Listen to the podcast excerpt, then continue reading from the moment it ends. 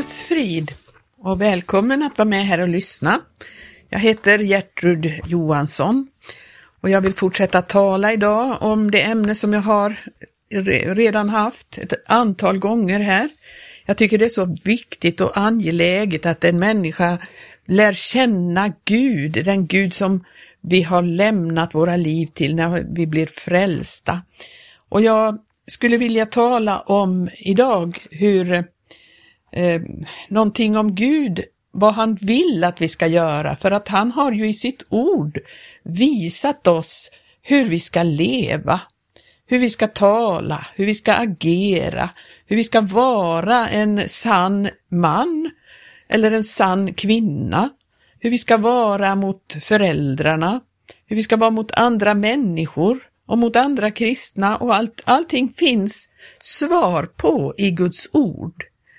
Vi lever här och nu och vi lever i en svår tid, säger Guds ord. Och våra liv nu eh, tror jag väldigt mycket byggda på, mer på världslig och västerländsk kultur än vad de är byggda på Guds ord. När vi blir frälsta, när vi blir kristna, då ska vi ju bygga vårt liv på Guds ord. Gud ger svaret på alla de här sakerna och vi måste vända oss till honom för att ta reda på alla de här tingen. Jag ska läsa ett stycke ur Matteus 7, slutet på Jesu bergspredikan.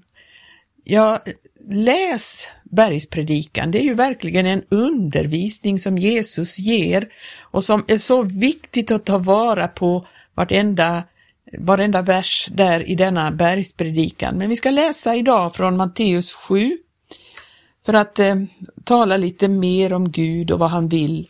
Det står så här från sjunde versen i, i Jesu bergspredikan. Bedjen och er ska varda givet, söken och ni ska finna, klappen och för er ska varda upplåtet. Ty var och en som beder han får, och den som söker han finner, och för den som klappar ska varda upplåtet. Jag tänker på det här med att bedja. Det gör man ju när man, om man har ett förhållande till sin far när man är barn, så kan man gå till sin pappa och be om saker. Men eh, ibland så hittar man kanske inte pappa, han kanske har kommit på avstånd och är någonstans. Eh, i något annat rum eller så, vi vet inte riktigt var han är. Det kan kännas så i vårt förhållande till Gud ibland. Men då står det, den som söker, han finner. Sök och ni ska finna. Och för den som klappar, det kan hända, hända att det känns på det viset också när vi kommer inför Gud, att det känns som att han är helt, att vi är utestängda från honom, vi känner ingen kontakt alls som om man står utanför en dörr och får inte kontakt med den som är där inne, men då står det klappa och för er ska vara upplåtet. Klappa och för er ska, ska det bli upplåtet. Gör det när det gäller att få kontakt med Gud, när det gäller att få den kontakten som vi behöver ha till vår Fader i himmelen. Och vi fortsätter i vers 9. Eller vilken är den man bland er som räcker sin son en sten när han ber honom om bröd? Det gör väl ingen man eller människa? Är det någon, något barn som är hungrig och ber om bröd så det är klart att pappa ger detta barn bröd och inte någon sten att knapra på. Eller så står det i tionde versen, som räcker honom en orm när han ber om fisk.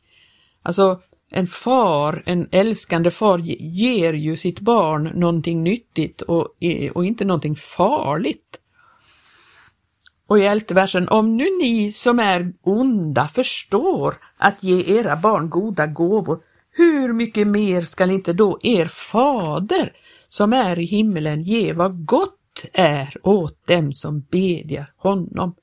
Det är klart att vi ska komma inför Gud och bedja om saker och ting bedja om att vi får lära känna honom mer, bedja om visshet om hur vi ska göra i våra liv, hur vi ska leva. Och vi fortsätter där i tolfte versen, en vers som väldigt många tycker att den versen är det enda viktiga i Bibeln. Den är jätteviktig, men det står väldigt mycket mer än just den versen. Men den är väldigt bra, den versen också. Det står så här, därför allt vad ni vill att människorna ska göra er, det ska ni också göra dem, ty detta är lagen och profeterna. Det vill säga att vi ska göra som vår fader i himmelen gör. Han gör, ger det som är gott åt de som ber honom. Och därför ska vi också, så som hans barn, vara sådana som gör det som är gott till våra medmänniskor. Och så fortsätter vi i vers 13. Gå in genom den trånga porten. Ty vid och bred är den väg som leder till fördärvet och många är de som går fram på den.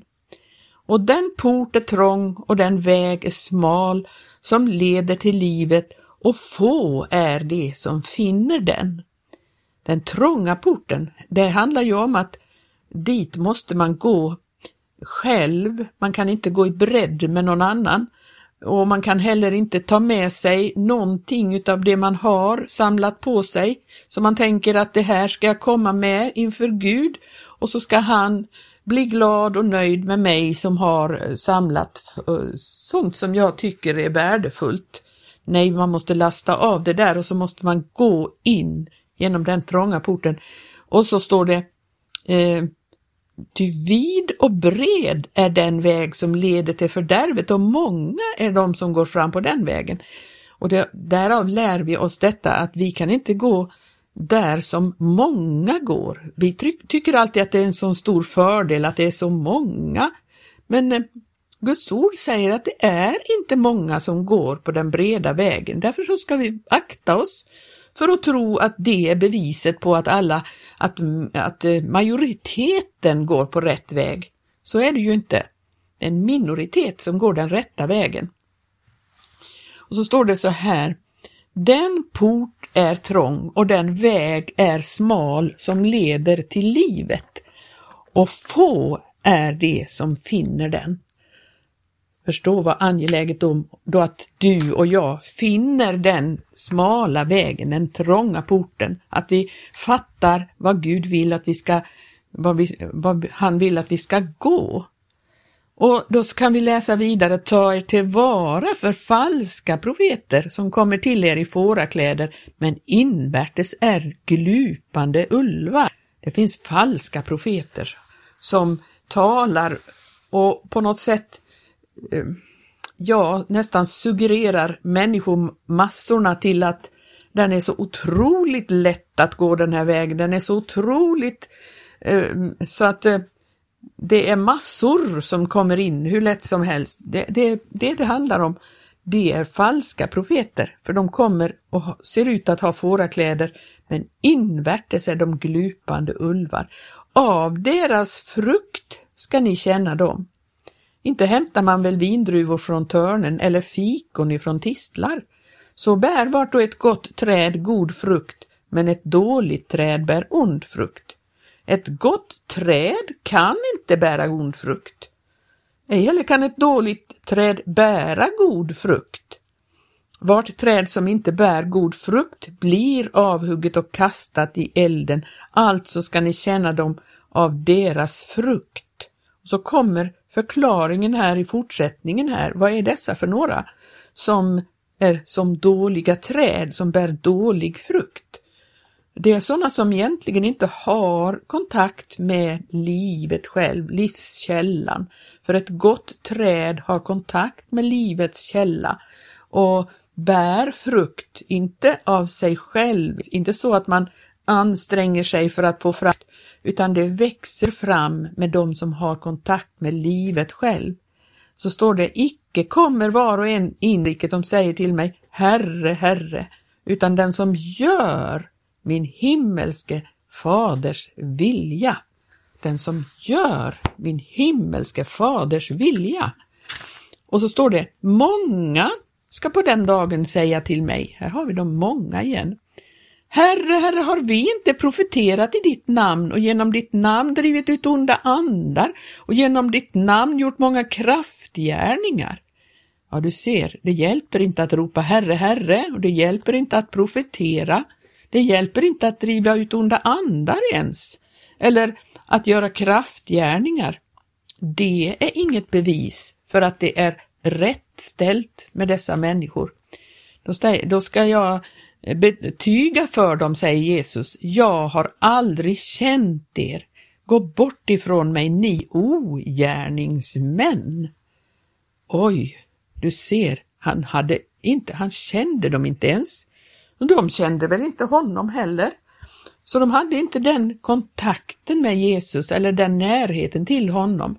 Och så står det så här, därför, var och en som hör dessa mina ord och gör efter dem, han må liknas vid en förståndig man som byggde sitt hus på Hälleberget.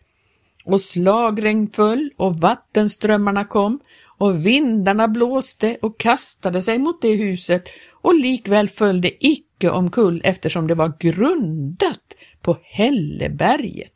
Men var och en som hör dessa mina ord och icke gör efter dem, han må liknas vid en oförståndig man som byggde sitt hus på sanden och slagregn föll och vattenströmmarna kom och vindarna blåste och slog mot det huset och det föll omkull och dess fall var stort.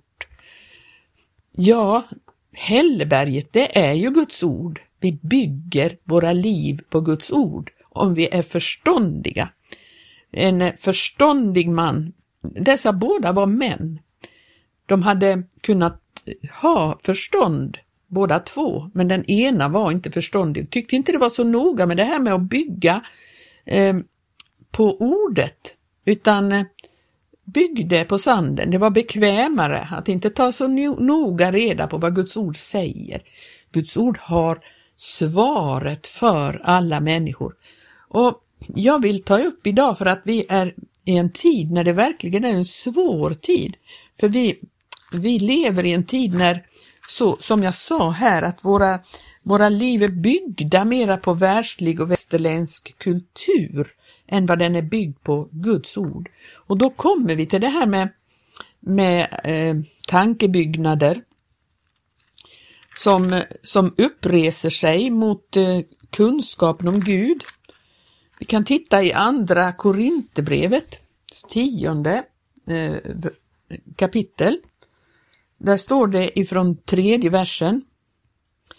För fastän vi vandrar i köttet så för vi dock icke en strid efter köttet. Alltså det är verkligen en strid i den här tiden, i det här livet. Våra stridsvapen är nämligen icke av kötslig art. De är tvärtom så mäktiga inför Gud att de kan bryta ner fästen Ja, vi bryter ner tankebyggnader och alla slags höga bålverk som uppresas mot kunskapen om Gud och vi tar alla slags tankefunder till fånga och lägger dem under Kristi lydnad. Och när lydnaden fullt har kommit till väldet bland er, då är vi redo att näpsa all olydnad. Vad ser vi här för någonting? Här handlar det om en andlig strid och den andliga striden den förs emot tankebyggnader och det är höga bålverk, alltså man bygger alltså in sig till skydd emot kunskapen om Gud. Alltså man bygger upp sina egna tankebyggnader så att man skyddar sig emot all påverkan av Guds ord. Åtminstone tycker jag det versen ser ut att betyda det. Och så tar vi alla slags tankefunder till fånga och lägger dem under Kristi lydnad. Vilka är det som gör det?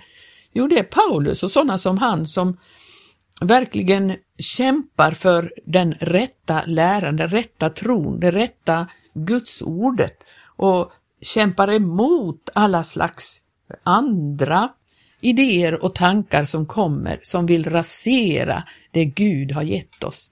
Tänk att det finns, det var det jag pratade om förut, det här med eh, ideologier och tankar som i vår tid är så oerhört dominerande. Det finns så mycket hemska eh, idéer som sätter helt och hållet Guds ord ur spel. Och vi blir så lätt påverkade av det så vi, vi ser det inte, vi förstår inte att ja men vi vandrar ju ehm, från Guds synpunkt i opposition emot hans ord. Vi vandrar helt enkelt ehm, helt fel. Vi, vi har inte tagit vara på Guds ord när det står om hur vi ska leva. Vi kan titta i andra, eh, andra Timotebrevet. Um, jag ska se om jag hittar det här. Andra Timotebrevet. Uh, ehm, tre först. Ja, det, det behöver vi inte läsa detta om de svåra tiderna och de yttersta dag, i de yttersta dagarna. Hur, för där står det om hur människorna är. Jag ska inte läsa allt det, men det är förfärligt hur människorna är. Och i femte versen, de ska ha ett sken av Guds fruktan men ska inte vilja veta av dess kraft. Och kraften, det är ju korsets kraft och korset, det handlar ju om att vårt eget liv ska dö. Eh, för att korset innebär ju död. Och de vill inte veta av detta kors, man vill inte låta sitt eget liv dö, korsdöden, men man vill ha ett sken av Guds fruktan. Och vänd dig bort ifrån sådana, säger eh, Eh, Paulus i Timotebrevet där. Men vi ska titta i fjärde kapitlet, eh, där. Det står så här, predika ordet, står det i andra versen där. Träd upp i tid och otid, bestraffa, tillrättavisa, förmana med allt tålamod och med undervisning i alla stycken, ty den tid kommer då de inte längre ska fördra den sunda läran. Du ser där, de, de tycker inte om det, så de bygger upp ett bålverk emot den, ett försvar emot den. Utan efter sina egna begärelser ska de samla åt sig lärare hoptals allt eftersom det kliar dem i öronen. Man lyssnar hellre på lärare som som är behagligt att höra på. En tid då de ska vända sina öron från sanningen och istället vända sig till fabler. Här ser vi så tydligt att man väljer någonting. Man väljer att höra bara på fabler, alltså osanna historier om eh, livet och hur vi ska leva. Och man vänder sig från sanningen som ju är Guds ord, allt Guds ord. Jesus själv är ju sanningen, han är ordet, han är klippan och de vänder sina öron från sanningen och istället vänder sig till fabler. Men så står det, men du, var nykter i allting, bär ditt lidande, Utför en evangelists verk, fullgör i allo vad som tillhör ditt ämbete. Han uppmanar Timoteus att kämpa, kämpa för denna sanning som du har, så att eh, vi inte blir som de som är, i, det står om i Hebreerbrevet, eh, i tredje kapitlets artonde vers. Vilka där handlade om de som gick under i öknen och vilka gällde den ed som han svor att de inte skulle komma in i hans vila. Vilka var det? Jo, det var om inte de som hade varit ohörsamma. Alltså de lyssnade inte på Guds ord, de tog inte vara på ordet. De, de var ohörsamma. Och i fjärde kapitlets eh, tionde vers så står det om de som kommer in i vilan och det är de som, eh, har, eh, de som lyssnar på Guds ord, de som har kommit in i hans vila. Den som har kommit in i hans vila, han har funnit vila från sina verk, liksom Gud ifrån sina. Alltså, det är inte ett verk ifrån oss längre, utan det är ett verk som Gud gör i våra liv. Så står det i elfte versen, så låt oss nu med all flit sträva efter att få komma in i den vilan, för att ingen må såsom det falla och bli ett varnande exempel på ohörsamhet. Där kommer det ordet igen. Ohörsamhet. Det betyder helt enkelt olydnad. Och så står det i tolfte versen, ty Guds ord är levande och kraftigt och skarpare än något tvegat svärd och tränger igenom så att det åtskiljer själ och ande, märg och ben och det är en domare över hjärtats uppsåt och tankar. Låter du Guds ord komma in i ditt liv och verkligen låta det döma dig så du ser vad som är vad, så det blir klart vad som är från Gud och vad som är, kommer ifrån falska läror och tankegångar. En, en filosofi som har genomsyrat hela vårt, vårt land och hela vår värld ända från eh, ja, tidigt, tidigt eh, 1700-1800-tal och framåt och eh, eh, särskilt i vår tid nu. Det är en sån, sån eh, tankebyggnad som feminismen, vilket har förstört så oerhört mycket. I den så finns det väldigt mycket som, som går emot Guds ord. Alltså, människor luras till att tro att man, man ska låta kvinnor fungera som män, alltså att man, alltså det är som fruktansvärt bedrägeri, därför att Människan mår som bäst när hon får fungera så som Guds ord säger. Läs Guds ord i sådana frågor. Jag hade tänkt att komma fram till sådana frågor men jag hinner inte det idag. Men vi måste lämna det bakom oss, denna, denna okunskap i de här, eh, de här tingen och eh, som det står i femte kapitlet i Hebreerbrevet att vi, vi det finns så mycket i er där som är svårt att säga och göra tydligt i ord eftersom ni har blivit så tröga till att höra. Och om eh, trettonde versen är, om någon är sån att han ännu måste leva av mjölk, då är han oskicklig att förstå en undervisning om rättfärdighet. Han är ju ännu ett barn, ty den stadiga maten tillhör de fullmogna, de som genom vanan har sina sinnen övade till att skilja mellan gott och ont. Och så står det i sjätte kapitlets första vers. Låt oss därför lämna bakom oss de första grunderna av läran om Kristus och gå framåt mot det som hör till fullkomningen. Vi behöver komma framåt i de här frågorna pröva våra liv gentemot ordet. Vi ska inte pröva det mot andra kristna eller pröva det mot världens sätt att se på saker och ting. Pröva det mot ordet. Vad säger Guds ord om hur vi ska leva? Hur säger, vad säger Guds ord om hur vi ska vara? Vi ska eh, älska människorna men vi får inte älska deras livsstil, deras sätt att vara. Vi måste älska Gud mer än allt annat och av hela vårt av hela vårt förstånd och av all vår, vår kraft så måste vi älska Gud framför allt. Och då får vi lära känna honom. Då får vi bli ljus i den här tiden som är så mörk. Jag ska försöka fortsätta lite nästa gång om de här sakerna. Vi måste gå framåt och lämna bakom oss det som tillhör okunskapen och eh, det barnsliga livet och växa i nåd och sanning. Gud välsigne dig så får vi höras igen nästa vecka.